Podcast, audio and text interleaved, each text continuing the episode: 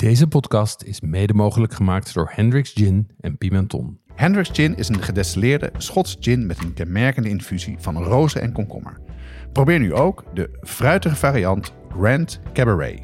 Pimenton is dé webshop voor foodies. Ze hebben meer dan duizend ingrediënten van over de hele wereld die ze snel en voordelig versturen vanuit België.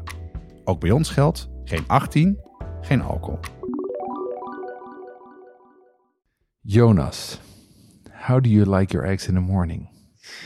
Ja, hoe ik mijn eitje het liefste eet. Nou, ik, eh, ik eet hem het liefste ehm, gekookt met Mhm. een zachte dooier. Mhm, Maar mijn gekste eitje wat ik ooit gegeten heb, Ja. dat was in Japan. mhm. Dat was boven op een vulkaan. Oké, En dat was een hele attractie met een eh, mascotte en alles. En eh, daar kreeg je dus vulkaaneieren, die Oké. dus in de vulkaan waren gestoomd. En het maffe was, die waren helemaal zwart oh ja? en niet tevreden. Van binnen ook zwart. Ook wel, ja. Ja, heel zwavelachtig. Natuurlijk logisch vanwege Ja. het stoom wat uit de vulkaan kwam. Maar dat was een hele happening boven de vulkaan. Echt fantastisch. Alright, nou, dit is, daar ben ik niet jaloers op deze keer.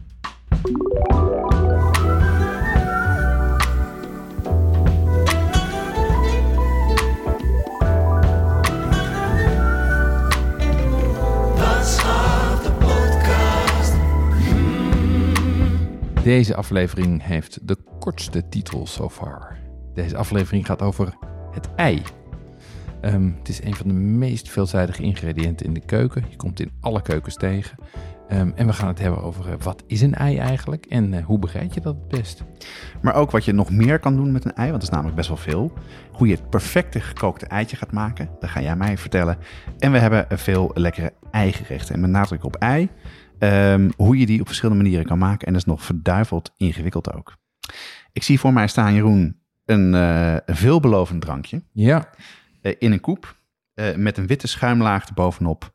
Een beetje gelige vloeistof. En ik denk dat dit een sour is. Dat klopt. dat is een pisco sour. Ja. En ik ben geïnspireerd door een, een opening die wij, waar jij straks wat meer over gaat vertellen. Waar een, een van de bedieningen aan mij vroeg, do you want me to wash your oyster with pisco? Waarop ik zei, natuurlijk. Ehm, en eh, eh, toen dacht ik, ja, pisco, die hebben we al een tijdje niet meer gehad. Ehm, en eh, ik heb een, het recept van Katinka Lansing Dodero gekregen voor deze pisco sour. Ja. Klassieke Peruaanse cocktail, waar overigens de Chilenen en de Peruanen ruzie maken over wie het heeft uitgevonden, zoals over zoveel dingen. En het interessante van dit recept is, wat, eh, wat ik dus van Katinka heb, is dat er anderhalf eiwit per cocktail ingaat. Dus het is echt behoorlijk eiwit forward. Dus dat leek me ook wel eh, eh, toepasselijk. En verder zit er alleen limoensap, suikerstroop en pisco in. Ja. Ehm, en een beetje bitters erboven. en een beetje bitters, ja. Ja. En wat, wat ik ook wel interessant is, is dat ik heb deze geblend. Ehm, want Oh, in een blender. in een blender. Oh, mijn god. Ja, want dat geeft nog meer schuim. Oké. Ehm, en eh, dat is hoe ze de voorkeur aan geven. Tenminste, als ik, de, als ik Difford Guide mag geloven. Hoe ze daar de voorkeur aan geven in Peru. Daar eh, doen ze hem dus in de blender. Oh, vandaar. En dus eh, geen dry shake deze keer. Nou, eigenlijk wel. Want wat je doet is je blendt hem eerst even met ijsklontjes. Ik doe hem Ja. dan in zo'n kleine, zo'n, mi- zo'n mini blendertje. Ehm, en daarna zeef je hem. En dan eh, doe je hem nog even, een eh, blend je hem nog even zonder ijs. Dus dat is eigenlijk hetzelfde als een dry shake. Ja, en voor de mensen die niet weten wat precies een sour is. Dus eh, Jeroen heeft de ingrediënten, ingrediënten net uitgelegd. Maar er zit dus een witte schuimlaag overheen. Ja. En die is dus gemaakt met eiwit. Klopt. En het is een hele, hele lekkere mondgevoel. weinig geur. En dat is heel prettig. Dus ik ben benieuwd. Ik ga proeven. Ja, dat is wel... Hij is wel romiger hierdoor, hè? Ja. Door dat meer eiwit. Ja. Vind ik Ja. lekker. Ja, ik vind hem ook lekker. Hij is, Ja. hij is nog, eh, nog smoother. Smooth. Ja, en wat ik heel lekker vind aan een pisco sour... die wordt namelijk met limoen gemaakt en niet met citroen... Mhm. die is dus wat minder scherp, wat Ja. minder zuur. Dat vind ik er heel prettig. Een heerlijk drankje is dit. Ja, het grappige is dat eh, als je gewoon kijkt naar pH, eh, het pH-gehalte, pH, Mhm. hoe noem je dat? pH-graad. pH-waarde. pH-waarde van, van limoen is die lager Oh ja? dan van citroen, maar eh, hij smaakt minder zuur. Dat komt door een andere verhouding tussen de, volgens mij, appels, de appelzuur en de melkzuren. Maar nu wordt het te technisch, ik niet geresearched. Ja, maar het heeft te maken met de, met de soort zuur, waardoor het dus zuurder is, maar niet zuurder smaakt. Ja, nou goed, we drinken dus een pisco, want we hebben later een pisco sour. Want we, jij zei al net, we hebben ooit een tijdje terug een pisco gedronken ehm, met een oester uit een oesterschelp. Ja, We waren namelijk uitgenodigd bij de opening van Sin of Soul. Dat is een nieuwe zaak in de Westerstraat in Amsterdam. Uh, het is een, een, broertje van Salmoera, volgens mij, waar jij Ja. vaak uh, gegeten Ja. hebt. Toch? Ja, is een, eh, het het zeg maar de, de, de kleine, de kleine, de kleine Somoera. Ja. Of misschien het, het evil zusje, misschien beter. Precies. Het is namelijk een soort bar, Ja. Maar alle cocktails zijn op de tap of die zijn eh, ready to pour, geloof ik. Dat je Ja. iets in flessen zitten en je meteen kan inschenken. Ja. Dus je hebt een bar en daar kan je dus ontzettend lekker cocktails bestellen, want die zijn bijzonder. Misschien kan jij daar zo nog wat over vertellen. En, eh, en daar kan je verder wat Mexicaanse hapjes uit de keuken eten. En het Mhm. is echt eh, ja, een hele andere manier van aan de bar hangen, wat later op de avond. Heerlijk cocktail drinken met wat lekkere hapjes. En verder is de styling echt fantastisch. Ja, ja, het is behoorlijk over de top. En, en die cocktails zijn overigens zo goed, omdat ehm, eh, Martin IJsma staat daar, eh, voert, daar, voert daar de scepter ook over de cocktailkaart. Die komt van Samoera. Ehm, die staat op eh, Insta als stirred over shaken. Ja.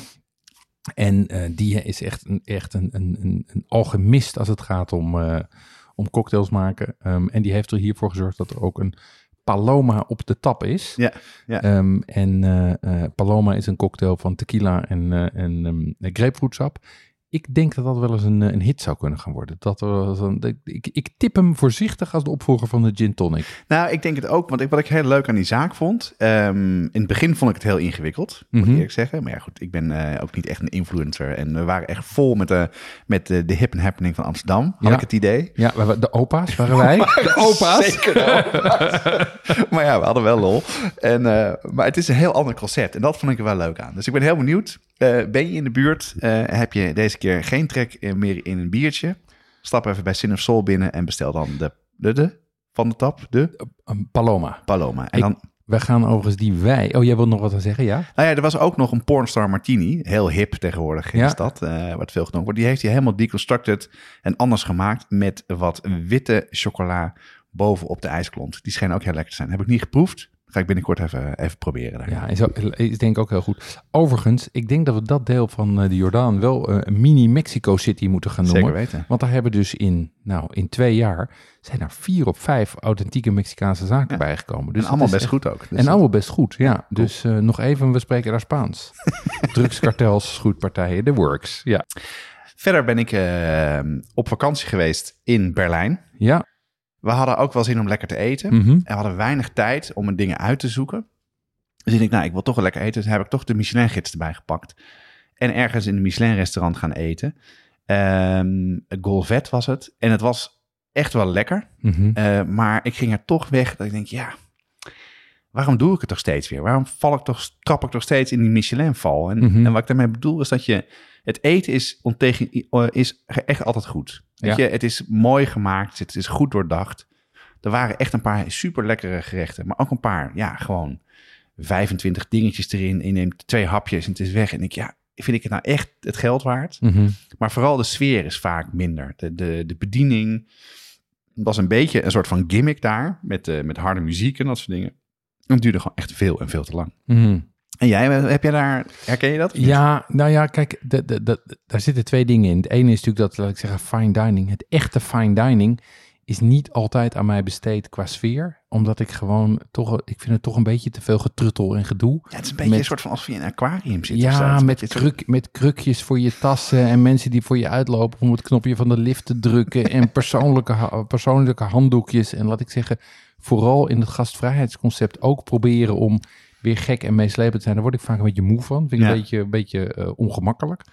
Eh, dus dat is de ene kant. Het andere is dat ik Michelin vaak wel, ik vind ze toch nog net te veel op, laat ik zeggen, een klassieke uitleg van, van gastvrijheid zitten. En ook te veel hechten aan de formules en het traditionele. Af en toe durven ze daar wel van af te wijken.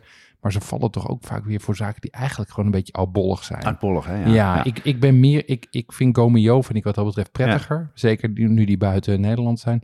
Of eigenlijk, eh, buiten, buiten Nederland, buiten Frankrijk. Of eigenlijk gewoon goede lokale gidsen. Hè. In Nederland hebben we nu natuurlijk eh, eh, Elizabeth van Food, die ik echt heel goed vind. Ehm, in Frankrijk heb je Le Fooding. Ja, heel goed. En zo zijn er, zo heeft eigenlijk elk land wel zijn eigen lokale gids die net iets edgier is. Ja. En die, eh, die vaak die oudbolligheid een beetje omzeilt. Vind ik toch altijd wel moeilijk te vinden hoor. Want ehm, En de Bib Gourmand zijn vaak wel goed als je een Michelin haalt. En het is echt een luxe probleem. Hè? Ik, ik realiseer me huis wel dat heel veel mensen het niet kunnen betalen. En Aha. misschien nu luisteren denken, ja, ja, snop. Ja, of vraag het gewoon op de Discord aan onze leden van de brigade. Ja, daar komen ook vaak met Ja, daar goede had ik net geen tijd meer voor. Ja. Wel heb ik in zo'n restaurant in Amsterdam gegeten. Daar weet ik dan wel heel goed. Bijvoorbeeld, ik heb weer bij Kaagman een korte kaas gegeten. ja, topzaak. Wij gingen op vakantie met vrienden van ons. En wij waren op Schiphol.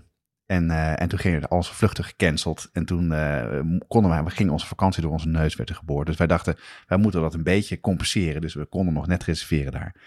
Dat is echt het leuke van die zaak, vind ik. Dus dat het, ehm, het is echt surf en turf. Mhm. Hij kookt heel erg met, met vis en vlees. Ja. Het is heel rauw, super tof en gezellig. En Mhm. wat dat betreft een geen grote contrast met het restaurant wat ik in Berlijn had. En eh, kan ik zeer aanraden. Kaag met een korte kaas, klassiek. Ja. Ja. En jij, wat heb jij gedaan? Ehm, ik, heb, eh, ik heb vooral weer eh, zelf gekookt. Ehm, ik heb risotto gemaakt. Uit, weer eens gemaakt uit het geheel herzien Tutto Risotto van Florine Boucher. Die Leuk. heeft dat boek nog eens een keer opnieuw doorgenomen. En deze keer heb ik er een uh, garnalenrisotto uitgemaakt. Briljant recept waar je aan het eind in plaats van... De uitdaging natuurlijk bij garnalenrisotto is dat je die, daar geen kaas aan toevoegt. Hè, want eh, schaal- en schelpdieren, daar hoort geen eh, kaas bij. Dus ik dacht, ja, hoe krijg je dan die, die extra kick, die, die, die smaakdiepte? En wat zij doet, is ze maakt eigenlijk een soort boter Ja. van eh, de garnalen, schillen en alles eh, daaromheen. Dus die, die maal je en die pers je uit. Ah, ja. En daarmee monteer je aan het eind die risotto af. Slim. Top recept. Echt een top recept. Dus nogmaals, Tutto Risotto koopt allen dat Ja. boek. Kan je op haar eigen site kopen hè? en dan wordt het opgestuurd. Ja, ze geeft dat inmiddels zelf uit en eh, ja, ontzettend leuk. Ehm, ik ben sowieso druk aan het koken. Ik heb ook weer eens eh, paddenstoelen eh shawarma gemaakt. Ja? Er staat een recept van op de site. Lekker. En ik heb dat deze keer op de barbecue gedaan. En dat is echt nog weer beter. Ja, echt zo? ja, ja. ja. Wat Want- is daar beter aan dan? nou, kijk, doordat je op, die, op de barbecue krijg je natuurlijk toch nog grotere hitte en ook stralingswarmte. Ja. Dus, ehm, wa- want wat je normaal doet in dat recept wat wij geven, is dan rijg je zeg maar je oesterzwammen rijg je aan een spies. En die spies leg je in een bak, zodat er lucht eromheen kan circuleren. En daar roostert die tegelijk door. En tegelijkertijd droogt hij een beetje uit, dus wordt hij een beetje krokant. Ja. Ehm, en ik heb dat dus gedaan op de barbecue. En dan krijg je, dan is die hitte is nog hoger. Die luchtcirculatie is sneller. En bovendien heb je dat rokerige. Dus dat gaf echt een briljant resultaat. Goed idee, Dit hè? was voor het eerst dat mijn kinderen zeiden van... Oh, dat is eigenlijk net zo lekker als gewone shawarma. Ja, ja. ja. dus dat, is, eh, dat, dat, vond, dat was een groot succes. En nog uit eten geweest? Ja, en ik, eh, ik zit helemaal in de, in de grill en barbecue. Wij zijn, eh, we hebben eh wagyu gegeten bij Wagyu Yakiniku Kanata. Doe maar. Ja, ja. Dat zit in de Buitenveldert. Oké. Eh, is een onooglijk zaakje. Zit, ja, zit in zo'n winkels. Buitenveldert bestaat uit, in Amsterdam. Is sowieso niet heel gezellig daar. Nee, bestaat uit een aantal van die winkel, van die, hoe noemen ze ook weer? Ehm plintzaken. Hè? Van die- Oh, zo'n winkelcentrumpje waar dan boven eh eh, flats zitten. Ja, ja. En onderin zit zo'n plint waar allemaal zaakjes zitten. en dat is allemaal behoorlijk belegen. En hier staat dan, ja, een soort van, een soort van constructietje wat eruit ziet als een zaak waar je hmm, de, de slechte cappuccino kan drinken, zeg maar, met een koekje erbij. Nee, maar je was wel enthousiast volgens mij. Eh, Ja, de- maar de zaak ziet er niet uit. Als je binnenkomt, hebben ze tafels waar in het midden zo'n eh, houtskoolgrill staat. Ja. Afzuigkap erboven. En vervolgens hebben ze een menu met, nou, ik weet niet eens uit mijn hoofd, maar volgens mij negen of tien wagyu gangen. Alleen maar wagyu. ehm, die je dus vervolgens zelf op die grill bereidt. Ehm, maar er zit ook bijvoorbeeld een, eh, een eh, sushi, eh, sushi-gang bij, gemaakt met wagyu. Dus dan krijg je die rijstballetjes, daar ligt dan een plak wagyu op. Die flamberen ze met de vlammenwerper. Oh, wauw. Super lekker. Ehm, en en de, de kinderen vinden het sowieso fijn, want lekker een beetje grillen en klieren is altijd goed. En ja, je kan hier echt, je kan hier all out gaan op wagyu. En dat is natuurlijk ook wel eens fijn. Want meestal wordt het een hele kleine plakjes geserveerd. maar hier is het gewoon, hier is gewoon negen gangen. Maar dat moet je me toch uitleggen. Want eh, die, als je zo'n dun plakje wagyu krijgt en je doet het op een eh, barbecue, dan wordt het Mhm. toch heel erg gaar. Hoe, hoe, hoe, doe je dat, hoe doen ze dat Ja, dan? we- dat, dat, twee dingen. Het ene wat ze doen, ten eerste is het niet zo heel erg als het helemaal gaar wordt. Omdat er zoveel intramusculair vet in zit, dat het toch sappig blijft. Oké, ja. Wat ze ook doen, is dat ze maar aan één kant grillen. Dus dan Oh. leg je een dun plakje leg je erop, dan grillen ze maar aan één kant. En dan vouw je hem dubbel en dan eet je hem met een Oh, saus slim. op. Ja. Super lekker. Alleen we zijn ook hier weer in de vleesval getrapt. dus we hadden, het we hadden het negen gangen menu en toen hebben we nog één of twee gangen nog een keer laten terugkomen. Omdat we hem zo lekker vonden. En vervolgens allemaal naar buiten gerold met een vleesbaby. Ja, jongens, maar laten we, laten we onszelf uh, gelukkig prijzen dat we gewoon weer lekker in restaurants kunnen eten. Ja. Na twee jaar uh, woestijn En- en, ellende in de hele culinaire wereld. Eens, eens. En dit, ik vond dit echt wel een aanrader. Nou, leuk. Jeroen, bij jullie thuis wordt toch veel hot sauce gegeten? Ja, dat klopt. Er staan eigenlijk altijd wel iets van vijf flesjes open. En elke paar weken is er eentje op. Dus dat gaat, eh, gaat behoorlijk hard. Maar waar, waar gebruik je het dan bij? Waar, waar, waar eet je het mee dan? Nou, mijn dochter houdt niet zo van heet eten, maar mijn jongste zoon juist wel. Ehm, eh, dus bij heel veel avondeten kiezen we dan zelf. Eh, bij taco's, bij kip, bij gebakken rijst, dat soort dingen. Ehm, en overigens ook bij lunch- en ontbijtgerechten. Tosties, gebakken eieren, pizza, alles. Pizza voor ontbijt. Slim, want dan kan je wel je eigen pittigheid bepalen. En pak je dan ook vaak de rijmakers, heetmakers sausen? ja, die zitten regelmatig in de roulatie. eh, juist ook omdat ze bijzondere smaak hebben en oplopen in pittigheid. Ja, en wat ik er zo leuk aan vind, ze zijn prachtig vormgegeven. Eh, hoe komen luisteraars aan deze flesjes? Ja, je vindt rijmakers, heetmakers op heatsupply.nl of vraag ernaar bij je delicatessenzaak. We gaan weer eens eh, lekker de diepte in, Jonas. Eh, eh, met een ingrediënt wat iedereen kent. En, en wat ook wel wordt aangehaald als, als iemand dat niet kan, kan hij echt niet koken. Als je geen ei kan bakken, dan kan je echt niks. Ehm, maar wij gaan het dus hebben over het ei. Ehm, maar we moeten ons wel een beetje beperken, want daar is veel over te, te vertellen. Hoe, hoe heb je het aangepakt, Jonas? Nou ja, zoals je weer, eh, als je ergens de diepte ingaat, dan, dan realiseer je weer hoe ontzettend veel er is. Ja, Ik heb wat kookboeken op nageslagen. Je hebt speciale kookboeken over eieren. Dus ik dacht, ja, weet je, je kan, je kan alle kanten op gaan. Dus ik dacht, Mhm. oké, we gaan het gewoon beperken. Laten we gewoon beginnen met de ei. Wat kan je daarmee? Wat Ja. is het? Eh, wat tips en tricks over het perfecte eitje. Want vaak begint het ermee met een gebakken ei leren maken. Of een omelet. Nou, dat Mhm. is niet makkelijk, een omelet. Wat, wat is het ei eigenlijk, eh, Jonas? Nou, het ei is, eh, wordt door. eh, ik beperk me ook echt tot het kippenei. Er zijn natuurlijk ook gewoon ene ei en andere eieren. Die zijn eh, dus ook heel veel over te vertellen. Ehm, het eiwit is vooral water met proteïne. En er zit er ook veel. het is ook een van de, geloof ik, de, van de weinige bronnen van vitamine D Mhm. die er is. Oké, Vroeger was het heel erg gekoppeld aan cholesterol. oké. Dat dat dus slecht was. Als je, Ja. Dat schijnt helemaal niet waar te zijn. Dus je kan nu gewoon zoveel eieren als je wil, eten als je wil. En het eigeel ehm, is een derde van, van, het, eh, van het ei. En daar zitten de meeste vitamine en mineralen in. Het is een hele, ja, hele efficiënte, simpele bron van proteïne en vitamine. En hartstikke lekker. Oké. Ehm, en en eh, eh, proteïne noemde je net al. Hoe zit dat dan precies? Ja, goed. de- de- de- Het bestaat heel erg uit proteïne, uit eiwitten. Mhm. Eh, maar ja, je hebt natuurlijk eiwit en eigeel. Dat is een beetje verwarrend. Dus laten we het even over proteïne hebben. Daar zitten er meerdere van in. Ik ga niet vertellen wat het allemaal zijn. Ehm, maar wat het interessante van die proteïne is... en dat wat ook wat die- dat ei zo veelzijdig maakt... is die proteïne, die, zijn, die zitten opgerold in het eiwit en het Mhm. eigeel. Mhm. En wat je eigenlijk wil, is dat die proteïne uitrollen. Ja. Vergelijk het even een beetje met een glutenzetting in een brood. Een Ja. soort, voor- creëert een soort van net wat het brood vasthoudt, waar het, vocht, waar het lucht in blijft zitten. Ja. Hetzelfde geldt eigenlijk voor een ei. Een ei kan dus heel erg goed vocht vasthouden. Het bestaat natuurlijk zelf ook een heel groot gedeelte uit vocht.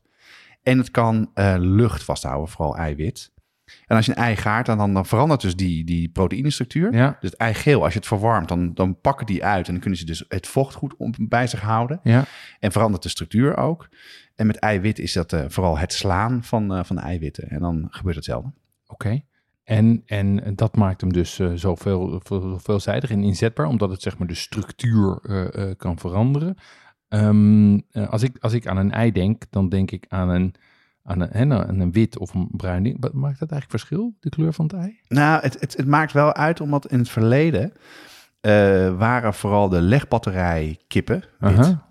Nou, uiteindelijk wat een ei wit of, geel, of eh, bruin maakt, zijn de oorlellen van de kip. Oké. Dus je hebt bruine oorlellen en witte oorlellen. Ja, Waar kip- zitten de oren dan bij Ja, ik heb geen idee, Oké. maar die zitten Ja. erop. Ehm, en het is wel zo, waarom hebben ze nou die witte kippen genomen voor de legbatterijen? Ja, Die zijn namelijk, eh, die kunnen meer eieren leggen oké. en hebben minder voedsel per ei nodig. Het zijn ook wat minder groot dan de bruine kippen. Dus zijn gewoon goedkoper. Oké, en, en is het dan ook zo, want jij zei de oorlellen, en dus het is niet zo dat witte kippen witte eieren leggen en bruine Nee, kippen dat heeft met de oorlellen te maken, ja. Oké, En de, bruine eieren, de, de kippen die bruine eieren leggen, die zijn wat groter. ja, Maar we associëren bruin dus vaak met gezonder, omdat het minder legbatterij is. Maar er is geen verschil tussen. En ook niet in smaak. Smaak wordt vooral bepaald door het voedsel wat ze krijgen. oké. Je noemt al even legbatterijen eieren, dat is natuurlijk wel belangrijk. Ehm, eh, Zijn die er nog? Eh, in Europa sinds 2012 niet meer. Oké. Dus er mogen geen legbatterijen zijn. Maar eh, ik had ook gelezen dat eh, Oekraïne hele hoge, veel legbatterijen had. En daarbij heel veel eieren uit importeren. Ja. Dus ze zijn er zeker wel. Oké. Maar als je gewoon een ei van een Nederlands ei in de winkel koopt. Of een Europees ei, dan is het niet van een legbatterij. Nee, maar even voor alle begrip. Legbatterij en, en eh, vrije uitloop, dat zijn ook glijdende schalen. Hè? Het is niet Ja. dat als het legbatterij is, dat het allemaal vrolijke, buiten rondscharrelende eieren zijn. Want ook gewone, eh, laat ik zeggen, ook gewone eieren of eh, vrije uit, dat, die zitten nog met op hoge dichtheden, toch? Ja, die kippen, ja, het is, het is wat dat betreft een industrie. Ik bedoel, ik heb er ook wel een beetje moeite mee hoor. Oké. Veel beter zijn gewoon kippen in de tuin hebben die af en toe eieren leggen. En die zijn super vers en het beste, het lekkerste. Dus dat, als je echt eieren bij een boer kan kopen of bij mensen die kippen hebben, dan zou ik altijd aanraden. Ja, ja, of vrije uitloop kiezen of biologisch. En ik, ja, ik, eigenlijk altijd, ik koop altijd biologisch als het kan. ja, En ook ja. dat is natuurlijk tot een bepaalde grens. Ook dat is niet echt heel goed voor die beesten. Maar Mhm. het is in ieder geval het beste wat je zelf, wat ik in ieder geval zelf kan doen met mijn portemonnee. Ja, ja. Ehm, ik heb, eigenlijk heeft volgens mij iedereen bijna altijd eieren in huis, tenminste veel mensen. Ehm, waar bewaar jij je eieren? En buiten de koelkast. Buiten de koelkast. En jij? Ik bewaar ze in de koelkast. Ja, eh, daar, dat, ik dacht dat ik het heel goed deed. Ja, Eh, maar na de research over dit onderwerp ga ik ze eigenlijk toch wel weer in de koelkast bewaren. oké, vertel. Nou, omdat namelijk eieren buiten de... Kijk, het, het kern belangrijk is, met heel veel eh, gerechten, is een heel vers ei eigenlijk het beste. Ja. Het lekkerste, het, het, het, ja, de, ik zal niet alle eh, scheikundige termen noemen, want dat ben, ik- weet ik niet goed genoeg uit mijn hoofd. Maar ehm, het, eh, het verouderde ei krijgt ook een andere smaak, krijgt ook minder, kan ook minder doen in de keuken. Mhm. Dus hoe verser, hoe beter. Ja. Nou, eh, als je het dus buiten de koelkast bewaart, gaat het gewoon heel veel sneller achteruit, achteruit dan in de koelkast. Ja. Nadeel van de koelkast zijn twee dingen. Eh, veel van de koelkasten hebben van die eierrekjes in de deur. Ja. Nou, elke keer als je een deur open doet, dan schudt dat. Gaan, kunnen ze kapot gaan. En dan schud je ook de eiwitten in de eieren. Dat wil je eigenlijk niet. Maar nog belangrijker is dat eieren, ze hebben een poreuze schil. Mhm. En die kunnen heel erg veel eh, geur opnemen. Mhm. Daarom als je bijvoorbeeld een stukje truffel over hebt, dat heeft iedereen natuurlijk, Altijd. altijd. Eh, dan kan je het beste, zoals wij toen in Piemonte gedaan hebben, hebben we dus de eieren bij de truffels gedaan. Ja. En dan krijgen de truffels dus de geur en daarmee de smaak van, eh, van truffels. Oké. En daar moet je dus een beetje mee oppassen. Dus Ja. je kan het beste afgesloten op een rekje, of dus niet in de deur, maar ergens op een plankje goed in je koelkast bewaren. Ja, of gewoon zorgen dat niks stinkt in je koelkast. Ja, gewoon alles onmogelijk. keurig, gewoon keurig plastic folietjes eroverheen Ja. doen. Ja, Lekker camembert erbij. Nou ja, nee, ja ik, heb, ik, heb, ik heb eigenlijk nooit... Ik bewaar mijn eieren altijd in de koelkast, maar ik heb bijna nooit... Ik heb nooit dat die de geur van iets anders opnemen. Ehm, eh, ook omdat ze afgesloten zitten. Dus ja, ik, ik, zie dat, ik, zie, ik, ik weet dat heel veel mensen daarover betogen, maar ik heb er nooit zo last van. Nee, maar het is wel zo dat om, om te checken of een ei eh, nog vers is, heb Mhm. je een trucje. Dat kan. Je kan een ei in, in een glas water doen. Als hij drijft, is hij oud. Ja. En daarmee is dus de luchtbel in het ei veel groter geworden. En is er veel vocht verloren door, door, door de schil. Dus dan kan hij meer naar boven. En, Ja. eh, en dat is, hij zinkt dus als hij vers is. Nou, als je een pak eieren hebt, dan staat de datum er ook op. En eh, dat is best wel de moeite waard om even in de, in, de, in de supermarkt te zoeken naar eieren van een hele recente datum. Je kan ze ongeveer vier weken, 28 dagen bewaren, zeggen ze. En uiteindelijk, ja, ik weet, heb jij uit wel zo'n een rot ei opengemaakt? Ja, te goor. Ik nog nooit. Te goor. Ja, het is heel goor, dat weet ik. Ja. Ja, ja, maar, maar dat, daar moet je hem echt wel heel lang bewaren hoor. Ja, van die stinkbommen, van die, eh, de, de glazen ampullen, weet je wel. dat vroeger. ruikt zo. Ja. Die ik ooit nog door bij mij in de buurt, door de brievenbus van de bondwinkel naar binnen gooide. Voelde ik mezelf heel stoer bij Zeker. jaar. Ja, hard wegrennen. Terrorist in de dop. ja. Nee, en dat is nog één ding over, over eh, houdbaarheid. Mhm. dat, eh, dat, dat verbaasde me ook in mijn research. Als je Amerikaanse recepten hebt, dan staat altijd bewaren in de koelkast. Weet jij waarom? Mm, nee. Omdat eh, de schil van een ei, daar zit een natuurlijke laag omheen die hem beschermt. En die is eigenlijk best wel, best wel goed. Dus Ja. het is van, van zichzelf een heel goed ja, zeg maar, product, om het zo maar te zeggen. Maar in Amerika zijn ze bang voor salmonella en Ja. worden de eischillen daarom gewassen. Oké. Maar salmonella kan ook in het ei gewoon zitten, niet alleen maar op de schil. En daarmee wordt dus de beschermde laag weggewassen. En moet je ze ook altijd in de koelkast bewaren, want anders was het echt gewoon gevaarlijk geworden. Oké. Dus eh, ja, ja. Dus eigenlijk bereiken ze, bereiken ze het tegenovergestelde van wat ze willen. Ze wassen ze om ze hygiënisch te krijgen, maar daardoor gaat de natuurlijke laag eraf en moet je ze in de koelkast bewaren. Precies. Lekker bezig, die jongens. Oké. Ehm, Hey, laten we eens even kijken wat we, wat we in, de, in de keuken kunnen doen met een, eh, met een ei. Eh, ik, ik associeer het toch vaak vooral het eiwit als een manier om dingen luchtig te krijgen. Ehm, hoe, hoe werkt dat precies? Hoe komt dat eigenlijk? Nou, dat klopt. Het is echt een, een bron van een reismiddel, vooral in, Mhm. in, eh, in toetjes Ja, en in bakken. Het komt eigenlijk door het opkloppen van het eiwit. En het eiwit dat, dat verandert dus van structuur door het kloppen, worden die proteïnen eh, strenger worden uitgevouwen en die gaan eigenlijk rondom vocht zitten. ah, Dus vocht aan de ene kant, eh, en nee, sorry, rondom het lucht zitten. ja, Eh, en die luchtbelletjes houden ze vast. En zodra je dan het in de oven doet, dan verhit de lucht. De Mhm. luchtbellen zetten uit. ja, En zo krijg je dus soufflés en andere dingen. En als je merengues hebt, dan zorgt die verhitting er ook voor dat die ei, die proteïnes uit elkaar dus van structuur blijven veranderen. ja. En dan, ja, ik heb je bijvoorbeeld, eh, dus voor macarons wordt het heel erg gebruikt, dus merengues. Dus gewoon lekker hard opgeklopt eiwit. Dat, eh daar wordt heel veel voor gebruikt. Dus het zit heel erg in die functie van die proteïnes en door het slaan en het verhitten, dat ze van structuur veranderen en van vorm. Oké. Ehm, dat, dat opkloppen, dat lukt niet altijd. Ehm, hoe, hoe doe ik dat zo dat dat wel lukt? Ja, dat is dus echt super fascinerend. Je moet in ieder geval een goede kom gebruiken. Oké. En eh, daarvoor moet je ervoor zorgen dat er geen vet in zit. Nee. En daarom wil je ook, ook voorkomen dat er een druppeltje eigeel bij komt. Want Ja. in eigeel zitten heel erg veel vetten. Oké. En daardoor mislukt dan het opkloppen van, eh, van eiwit. Dat is één van de dingen. Dat weten de mensen meestal wel. Maar een, een, een glazen kom is te glad. Dan kan het vanaf glijden. Oké. Een plastic kom is heel moeilijk vetvrij te krijgen. Ja. Dus een metalen kom is eigenlijk het beste. Ja. En nog beter is een koperen kom. Een koperen kom. Doe maar. Ja. Waarom is dat beter? Nou, omdat één van de proteïnes in het eiwit, Ja. en dit is echt serieus waar, eh ik heb wetenschappelijk dingen gelezen waar dat in stond, Ehm, die maakt een verbinding met koperionen. Dus als jij in een koperen kom slaat, dan Ja. sla je wat ionen van de koper van de kom af. Ja. Die maken een verbinding met het eiwit en het eiwit wordt er veel stabieler van en veel beter van. Oké. Dus dat is een van de dingen. Ehm, wat je ook moet doen is opletten met de mixer die je gebruikt. Ja. Je moet hem niet op de hoogste stand doen. Oh, niet? Nee, want dan, ehm, ja, dan gaat je krijgt een veel beter resultaat met kleinere luchtbellen als je een, ja, een niet, te niet, niet te hard zet. Mhm.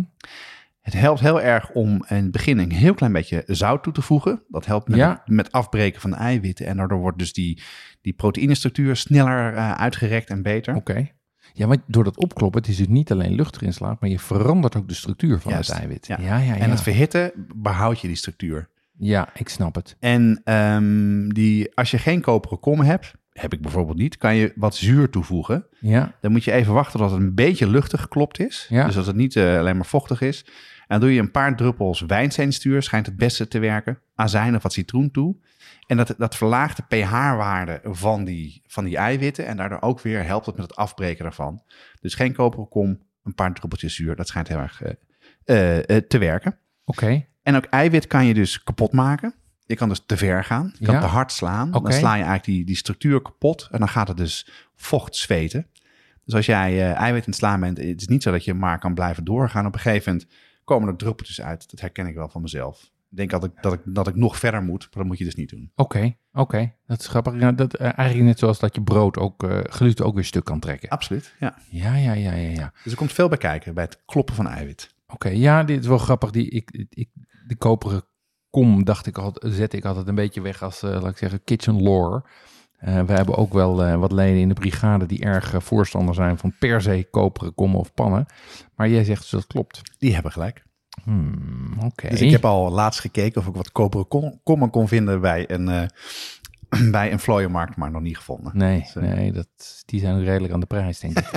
Ehm hey, goed, dat hebben we dus het, eh, het, het, eh, het eiwit. Ehm, Ja, met rijzen. we gebruiken ook veel het eigeel in de keuken, hè? Ja, heel erg. Ehm, eh, voor dingen als mayonaises en zo. Hoe, hoe is, is, gebeurt daar dan hetzelfde? Nee, dat is iets anders. Dat is eigenlijk heel anders. Eh dus eigenlijk voor je gebruik je voor het emulgeren. Je hebt eh, vaak veel sausen waar vocht en vet bij elkaar zitten. Ja. Nou, vocht en vet. Mayonaise, vinaigrette, Exact. al Nou, die dingen. Vinaigrette kennen de meeste mensen wel. eh, is, eh, dus, ehm, is olie, azijn en misschien wat zout en peper. En misschien wat mosterd of wat mayonaise als je wil. Dat klopt je goed. Blijft een mooie structuur. Laat je het staan. Dan trekt dat weer eigenlijk uit elkaar. En dan krijg je een plas olie en een plas zuur. Ja boven elkaar. Ja. ja. Dus wat je wil eigenlijk is dat dat eh, wat eh, vocht en vet, wat van nature niet aan elkaar wil plakken, Nee. daar heb je iets voor nodig en daar kan je dus eigeel voor gebruiken. Oké. Er zit een stof in die zowel aan de ene kant eh, zich aan vet hecht, Ja. een kopje hecht zich aan vet en het staartje, of precies andersom, hecht zich aan de vocht. Oké. Dus aan de ene kant wordt vocht eigenlijk om, om eh, vastgepakt Ja. door die, die emulgator, eh, die functie van het ei, geel. En aan de andere kant dus eh, het vet. Ja. En zo kan je dus ervoor zorgen dat het geheel mooi wordt. Het kan ook misgaan.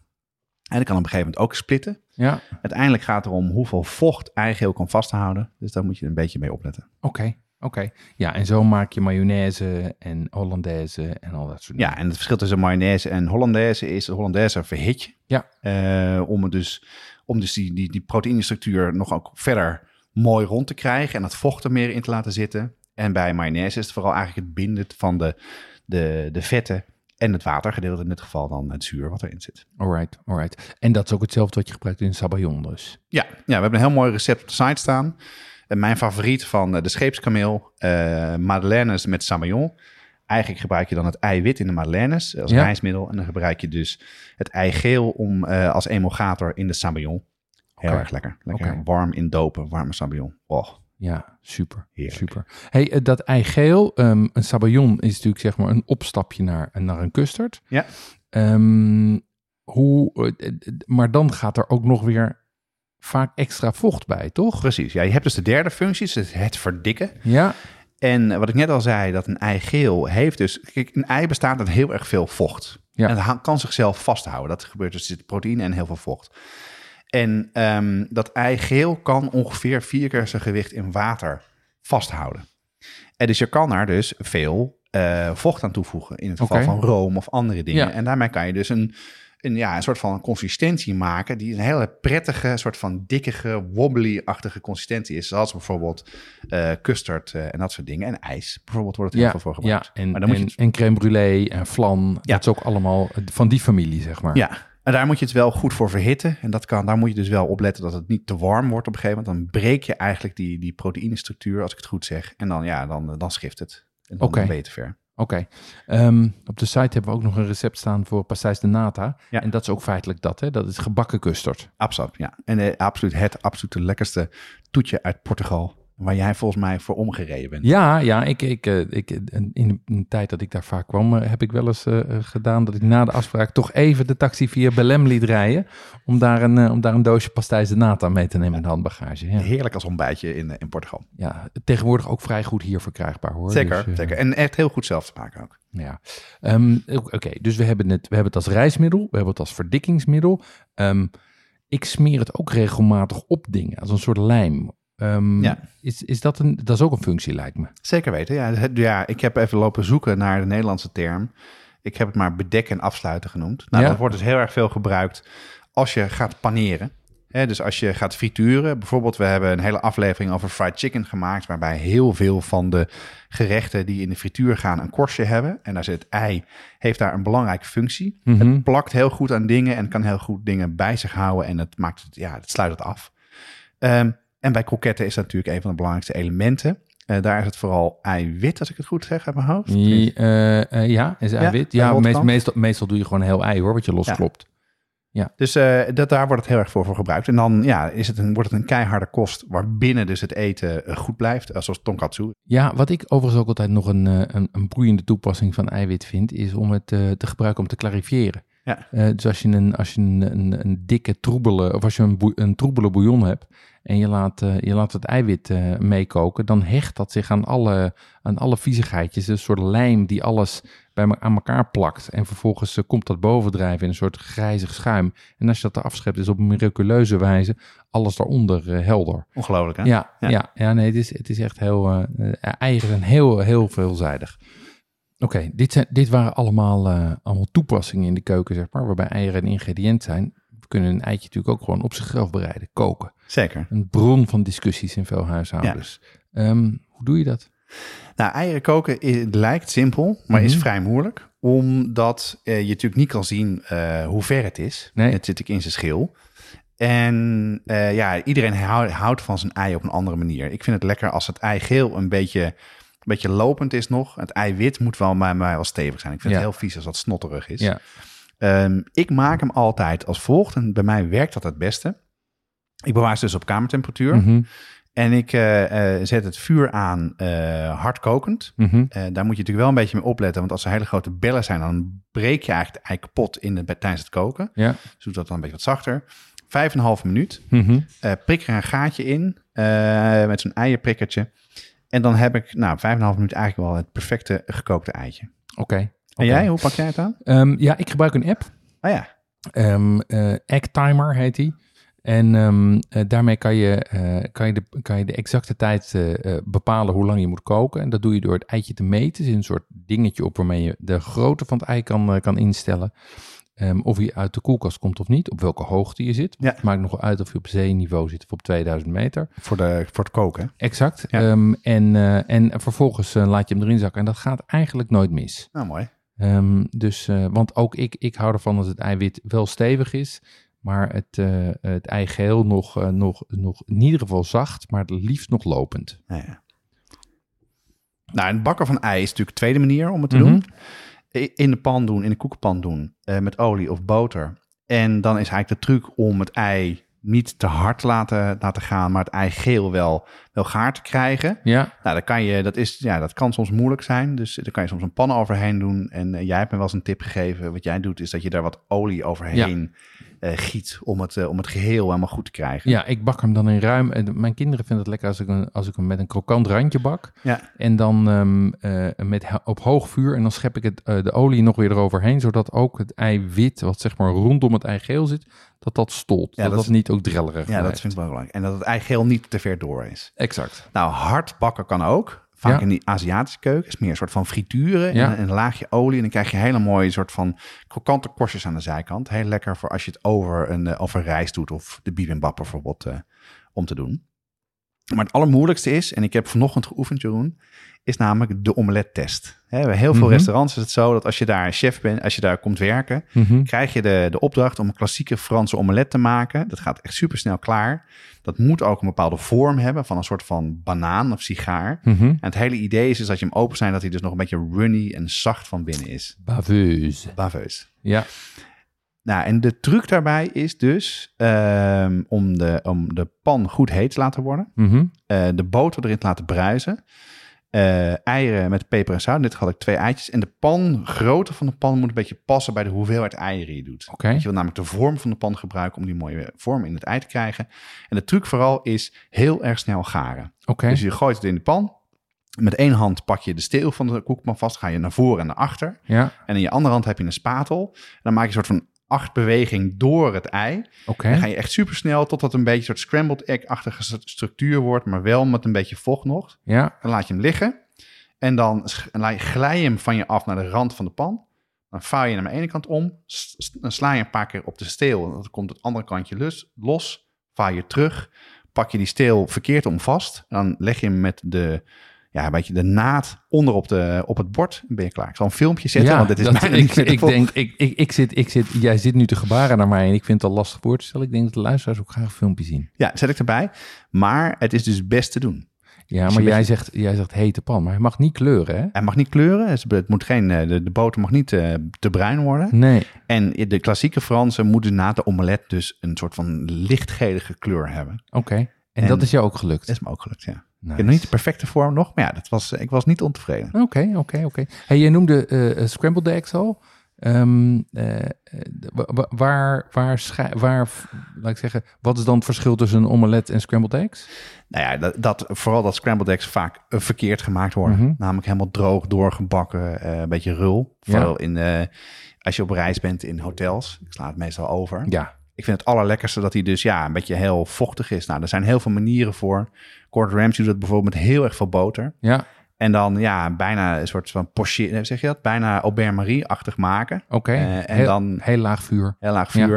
En op het laatste moment eh crème fraîche doorheen. Wat room om hem te laten afkoelen. En dan op te eten. Heel erg lekker. Beetje Lekker. bacon erbij. Lekker, lekker, lekker. Helemaal top. Nou, de derde manier is pocheren. Ja. Ehm, dat vinden veel mensen heel moeilijk. Mhm. Nou, de kern daarbij is eigenlijk hoe vers is het ei. Want hoe verser het ei, hoe beter het eiwit. Want dan gaat het vooral om niet in stringen in het water uit, ja, verdwijnt, een soort van tentakels. Lekker strak opgerold zit. Lekker strak op. Die wil je zo strak mogelijk houden, ja. Ja. Eh, ik doe het eigenlijk altijd door een ei ja, te breken. En als, die, als het ei... Kijk, wat er vaak gebeurt met het eiwit... dat heeft eigenlijk twee eh, structuren. Het heeft een soort van die membraan waar het een beetje bij elkaar blijft zitten... en een tweede stukje wat er dan verder omheen als vocht zit... wat met je Ja. wegloopt. Eigenlijk zijn twee soorten eiwitten. hè? Ja. Ja. En hoe ouder het ei, hoe meer die aan elkaar loopt. ja. Ja. En ik gebruik dus een beetje azijn in het water. Dat, Oké. dat schrikt ook een beetje die, dat eiwitten. Ja. Maak een kolkje Oké. en doe hem vaak in een kommetje. Zodat je hem heel makkelijk boven het water erin kan gieten. En ja, over het algemeen lukt het prima. Oké. En, eh, maar je had ook wel een goede tip volgens mij. Ja, toch? ik, ik, de- ik, heb, ik heb alles geprobeerd. Eh, eh, wij houden hier thuis nogal van gepocheerde eieren. Mijn eerste hek was, eh, was jaren geleden. Dan maakte ik van ehm, eh, plastic, dan bekleedde ik een kommetje met plastic folie. Dan vette ik dat in met een beetje olie. Dan deed, ik- brak ik het ei in, die, eh, in, dat, oh, in dat folie. En dan knoopte ik dat dit, tot- dicht tot een soort van zakje. En dan kookte ik het daarin. Heel veel gedoe. Heel veel gedoe. En bovendien komt er dan een soort van, ja, ik zeg een soort, soort, soort van, eigenlijk een beetje wat je aan de onderkant van een ballon hebt zitten, hè, waar een beetje, waar, waar dat dan bij elkaar komt. Dat vond ik niet zo mooi. Bovendien veel geklier. Ehm, en wat ik tegenwoordig doe, wat ik het beste vind, is om, een, eh, is om met een zeef. Oh ja. Ehm, Ja. Dan heb ik, een, heb ik een fijne zeef en breek ik het ei in die zeef. Dan loopt dat dunne eiwit loopt er doorheen. Dat dikke eiwit blijft bij elkaar zitten. En vervolgens doe ik het uit dat zeefje in een kommetje of uit dat zeefje direct in de pan. En dat geeft altijd perfecte eieren.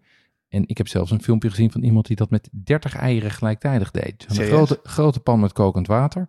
En, dan, eh, en die brak dus 30 eieren in een zeef. En die pleurde die hele inhoud van die zeef in dat water. Ik dacht, dat wordt een puinhoop. Ja. Nee hoor, keurig eh, losse eieren. Ja, het is wel zo, als je dit een beetje eh door hebt, en dan kan je het vrij snel maken. En het is echt heel lekker op heel veel dingen. Bijvoorbeeld eh witte asperges, gepocheerd eitje eroverheen, open snijden, een beetje eigeel eroverheen. Avocado toastje. Oeh. Oeh, Lekker. lekker. hoor.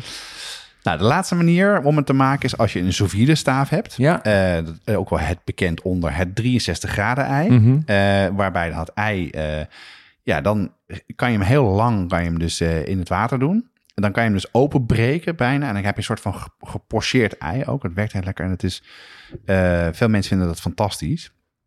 En eh, we hebben ook nog een recept op de website staan, ex Benedict, wat helemaal sous vide gemaakt is. Dat zou ik zeer, zeer aanraden. Maar jij vertelde mij, Jeroen, in de voorbereiding hiervoor, dat jij dus de perfecte gekookte ei hebt. Ja, Hoe dat- maak je die? Ja, die, die is omslachtig. Dus doe ik alleen als ik met grote gezelschappen ben. Maar wat ik doe is eerst eh, kook ik de eieren. Ja? Twee of drie minuutjes, gewoon in kokend water. En daarmee krijg je dat die hele, dat, dat ei wit aan de buitenkant helemaal stolt. Ja, ja. En vervolgens eh, gooi ik, gooi ik al die eieren bij elkaar eh, in, de, eh, in de sous vide op 63 graden. En dan krijg je dus dat het eigeel met die perfecte consistentie gaat, die tussen lopend en vast in zit. Want dat zoek je, hè, zeg Ja, maar dat ja. zalvige. Ehm, dus dat doe ik. Dus dan, en door het koken eerst zorg je dus dat die buitenkant stevig wordt en dat dat niet snotterig is. Want vaak bij 63 graden eieren of 63,1 graden eieren, Net niet, whatever, net niet, is het net nog een beetje gooey. En hiermee voorkom je dat. En blijft hij wel zacht genoeg. En eh, is hij dan van binnen ook echt nog, zeg maar... Ja, dus dan loopt hij niet, wat je bij je gepocheerde ei zoekt. Maar dan is hij net cremig, een beetje Ja. Nivea-structuur. Maar dat betekent dus dat je hem gewoon in de bak kan laten staan. Zo is het. Ja, wat die staan er dan gewoon de hele, die staan er dan gewoon op het aanrecht. Als ik voor grote mensen, grote groepen mensen ontbijt maak of een perfect eitje moet hebben, heb ik die bak gewoon staan en dan is het klaar. Ah, slim. Ja. Zullen we het over wat eigen hebben? Ja, laten we dat eens doen. Volgens mij hebben we er al een aantal op de site staan, toch? Zeker, best wel veel, ja. Zullen we eens even afgaan? Ehm, eh, eerst is denk ik de meest in het oog springende en volgens mij ook een van de populairste bij ons, in ieder geval op Instagram, de Tomago Sando. Oftewel, Japans broodje ei. Ja. Ehm, is eigenlijk gewoon een broodje met ei, eh, eiersalade, maar zit ook een heel ei in. Ehm, tussen twee witte boterhammen. Eh, ziet er prachtig uit en is super lekker. Ja, het is heel lekker, ja. ja. Weet je hoe het zo lekker komt? Door eh, de Japanse mayonaise. En weet je wat er in de Japanse mayonaise zit? MSG. MSG, there we are again. Ja! Lekker mayonaise. Nou, verder hebben we een, eh, voor de mensen die een vegan eiersalade willen maken zonder eieren. Ja. Heb jij een gerecht eh, ooit een keer gemaakt, geëxperimenteerd met, met tofu. ja, En daar had je iets bij gedaan waardoor het echt een ijsmaak krijgt. Wat ja had je ehm, eh, daar, doen we, daar doe je zwart zout bij. Ja? Ehm, eh, en ehm, eh, dat, is, dat, is een, dat is een vulkanisch zout wat roze is, maar wat ze zwart noemen. ja, whatever. En dat geeft een, eh, geeft een hele zwavelachtige smaak. Maar daar heb ik nog een verbetering op. op dat Oh, echt waar? Ja, ik voeg daar nog iets aan toe. Dat is. MSG. ja, Gewoon poeder. serieus, gewoon poeier. Ah, ja. ja. Ja. En dat geeft, dat, geeft nog een, dat geeft nog een diepere smaak. En maakt hem echt super lekker. Oh, Wat een goed idee. Ja. Recept op de site. Ehm, dan hebben we eh, tortillas de patatas. Ja, kijk, wat ik eigenlijk graag wilde doen, is ik dacht, ik heb gezocht naar, naar drie recepten, drie nieuwe recepten die echt over eh, eieren gaat. Ja. En de eerste naad is de, eh, zoals we kennen, de Spaanse omelet. Ja, Ik vind dat heerlijk. Maak jij het veel? ik, ik maak dat regelmatig, maar het is best veel werk om Ja, het het goed te doen. Best ingewikkeld ook. Ja, het is best ingewikkeld. Ik heb, ik heb wel wat met Spanje, dus ik heb wel uitgezocht hoe je het moet maken. Overigens, als je in eh, Spanje de Spaanse... Oh nee, dat, nee, nu haal ik dingen door de war. Nee, precies, Spaanse omelet. Je hebt, in Spanje heb je altijd de tortilla Fran- Francesca en de tortilla Española. En tortilla Española is met aardappels. Ja? Tortilla de patatas. En tortilla Francesca is gewone Franse omelet. zeg Ah, ja, maar. oké, ja. ja. Nou, wat hier dus voor de mensen die het kennen, dat, is, eh, dat vind je veel in tappa-restauranten en veel restaurants in, in, in Spanje. Dat is eigenlijk eh, eh, een omelet met aardappelen en ui ja. eh, en een beetje zout. En de truc eigenlijk waar het om gaat, is dat je zowel de aardappels in dunne eh, schijfjes en de ui in een veel olijfolie eh, frituurt bijna. Ja, ik, ik, ik frituur de aardappels in blokjes. In blokjes. In ja, blokjes, ja. ja. en die frituur je klopt. Die Ja. eh, gaar je helemaal. De garen en er moet ook een beetje aan de bodem plakken. Er moet ook een beetje van die, die beetje de karamellisatie aan plaatsvinden. En wat dit recept doet, eh, he- heb ik op de site staan, is dat daarin eh, je daarna de eieren in een kom doet. Ja, Eh, je giet de olie af. Het is best veel olie. En veel Spaanse huishoudens hebben gewoon die olie in potten staan die ze hergebruiken, waar het veel gebruikt wordt. ja, ik gooi het gewoon in de frituur. Olijfolie? Ja, eh, gewoon, ja hoor, gewoon in Ah, de ja. frituur en dan... eh, en dan eh, Oh, je hebt frituurt die, die dingetjes. Ja, ik maar frituur die blokjes. volgens het recept schijnt olijfolie lekkerder te zijn. Ja, maar je kan ook frituur en olijfolie. Ah, oké. Moet je gewoon drie, drie liter olijfolie Ja, kopen. slim, kan best slim. hoor. Eh, nou, wat daarna gebeurt is dat je dus in een kom hebt waar je de eieren in doet. Dan doe je de warme aardappelen en uien doe je erbij. De uien worden wat zoeter. Dat laat je een half uurtje staan met een Ja. deksel erop. Dan gaart het al een beetje. Maar wat er ook gebeurt is dat de aardappelen die zuigen het ei op. En eh, daarna doe je het in een pan. En dit is echt heel moeilijk. Het is mij nog nooit helemaal goed gelukt. Volgens mij moet je de pan eerst heel heet maken. Olie erbij. Eh, moet de buitenkant meteen goed gaar worden. Eh, het vuur wat zachter doen. En dan moet je daarna om halverwege moet je hem keren. En dat kan heel erg misgaan. Dat kan heel erg misgaan. Ja, en wat een hele goede tip was, in heel veel recepten is vaak dat een bord wordt gebruikt.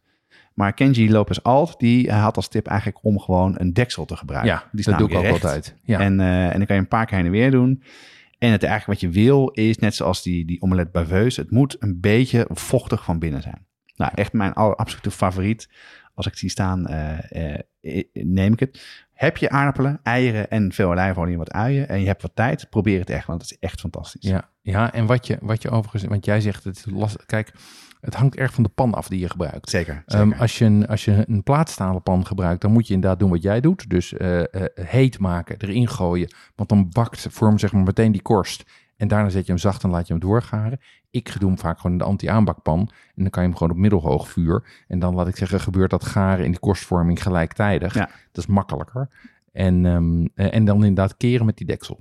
Maar je moet dus echt opletten dat je niet een te grote pan doet. Want het moet best wel een dikke hoeveelheid Ja, worden. ja, nee, hij moet, eh, hij moet een centimeter of zes, eh, zes dik zijn. Ja. En als het het mooist is, zijn de zijkanten, zeg maar, even lopen die gelijk af. Ja. Want wat je ook kan krijgen is dat als je hem eerst bakt en je krijgt zeg maar een ronde kant en vervolgens een rechte kant, dat is niet hoe het hoort. Hoe het hoort is dat hij mooi gelijk afloopt. Nee, het is een hele kunst hoe je tortilla bakt. Maar het is echt, wat dat betreft vind ik het fascinerend dat ze dat gewoon drie, vier ingrediënten gewoon iets heerlijks kunnen, kunnen maken.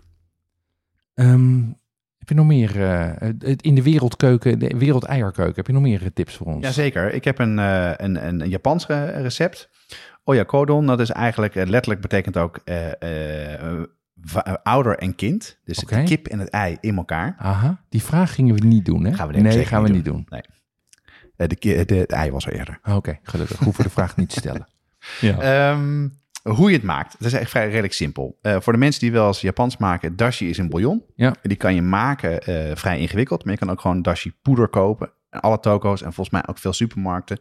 Heel erg lekker. Je maakt dus eigenlijk een, een bouillon en daar doe je wat uh, sake bij, wat suiker bij en wat sojasaus. Aha. Je moet een beetje opletten. als je die poeder gebruikt, is die wat zouter, dat je wat minder sojasaus.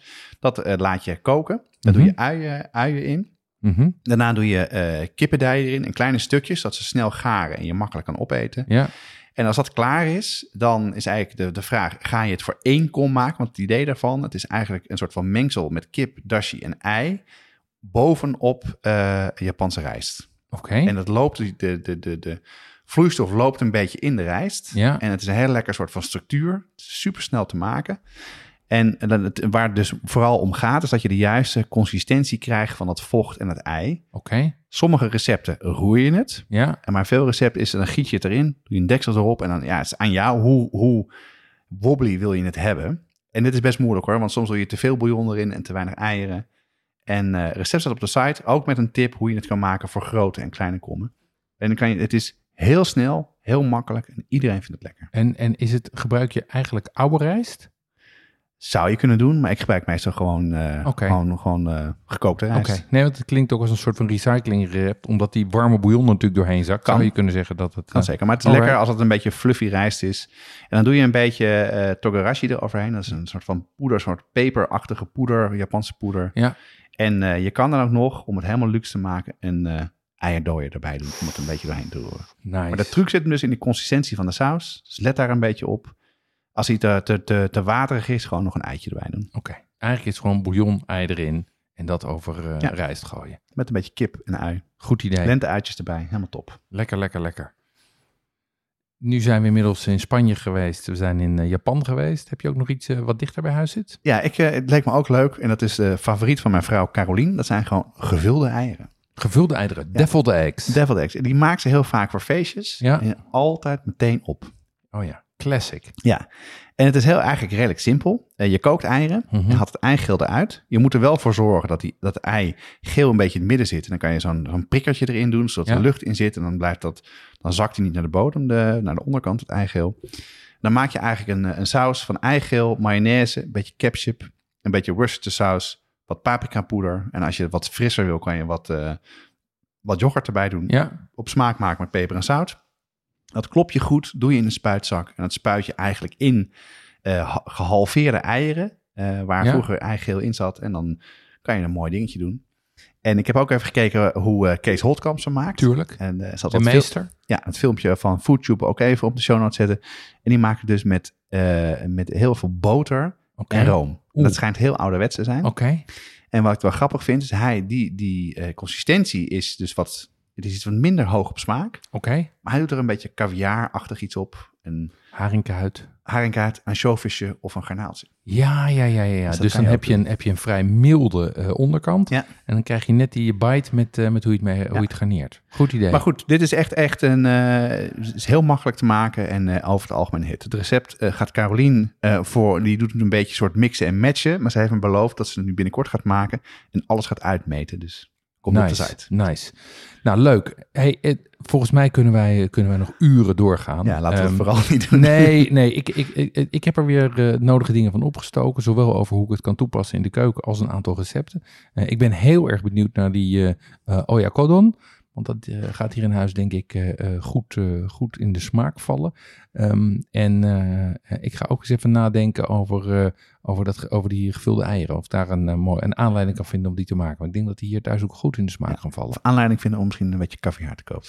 En die heb ik nog in de koelkast liggen. dus heb ik een, het is een mooie aanleiding om die te gaan gebruiken. Ja, Ja, nice. Nou, echt zeer, dat is echt zeer aan te raden. Ja, en ehm, we besteden weer wat aandacht aan de kookboekenrecensies die op de site staan. En deze keer gaan we het eh, heel kort hebben over het kookboek van Joris Beirendijk bij Beirendijk Thuis. Dat is eh proefgekookt en gere- gerecenseerd door eh, Katja Workel. En dat is wat we al eerder hebben verteld. De recensenten die koken verschillende gerechten, lezen het heel goed en schrijven een uitgebreide recensie. En die staan op de site. Ja, en eh, over Beidendijk thuis zegt zij van het is, eh, het is ingedeeld in drie thema's. Lunch, diner, en ontbijt en zoet. Ehm, en eh, het, is een, het heeft mooie foto's. Het is een lijvig en een heel persoonlijk boek. Uh, met alledaagse recepten en verfijnde kneepjes voor het, uh, die maken het boek uh, interessant. wat Katja zegt is, het is vooral een mix van verhalen, uitleg, klassieke recepten en ook verrassende en niet voor de hand liggende smaakcombinaties. Een fraaie aanwinst op je kookboekenplank en vooral een must-have voor een ieder die op zichzelf gaat wonen. Dus uh, dat, uh, dat lijkt me heel geschikt voor, uh, voor onze zoon zo over ja. een paar jaar als we de deur uitschoppen. Precies. Beiden, als, ze, ja, als beiden, ze geslaagd zijn. Als ze geslaagd zijn, bij, bij Beidendijk mee en, ja. en op kamers wonen. Dankjewel Katja. Deze aflevering wordt gemaakt door Jonas Nauwe en Jeroen Doucet. Het team bestaat verder uit Corianne Straathof, Annie Tazelaar, Paul Veldkamp, Cato van Paddenburg, Stephanie Peters en natuurlijk Jesse Burkunk. De muziek is gecomponeerd door Nico Brands en Ton Dijkman en uitgevoerd door Mel en Vintage Future. Tot de volgende keer. Tot over twee weken.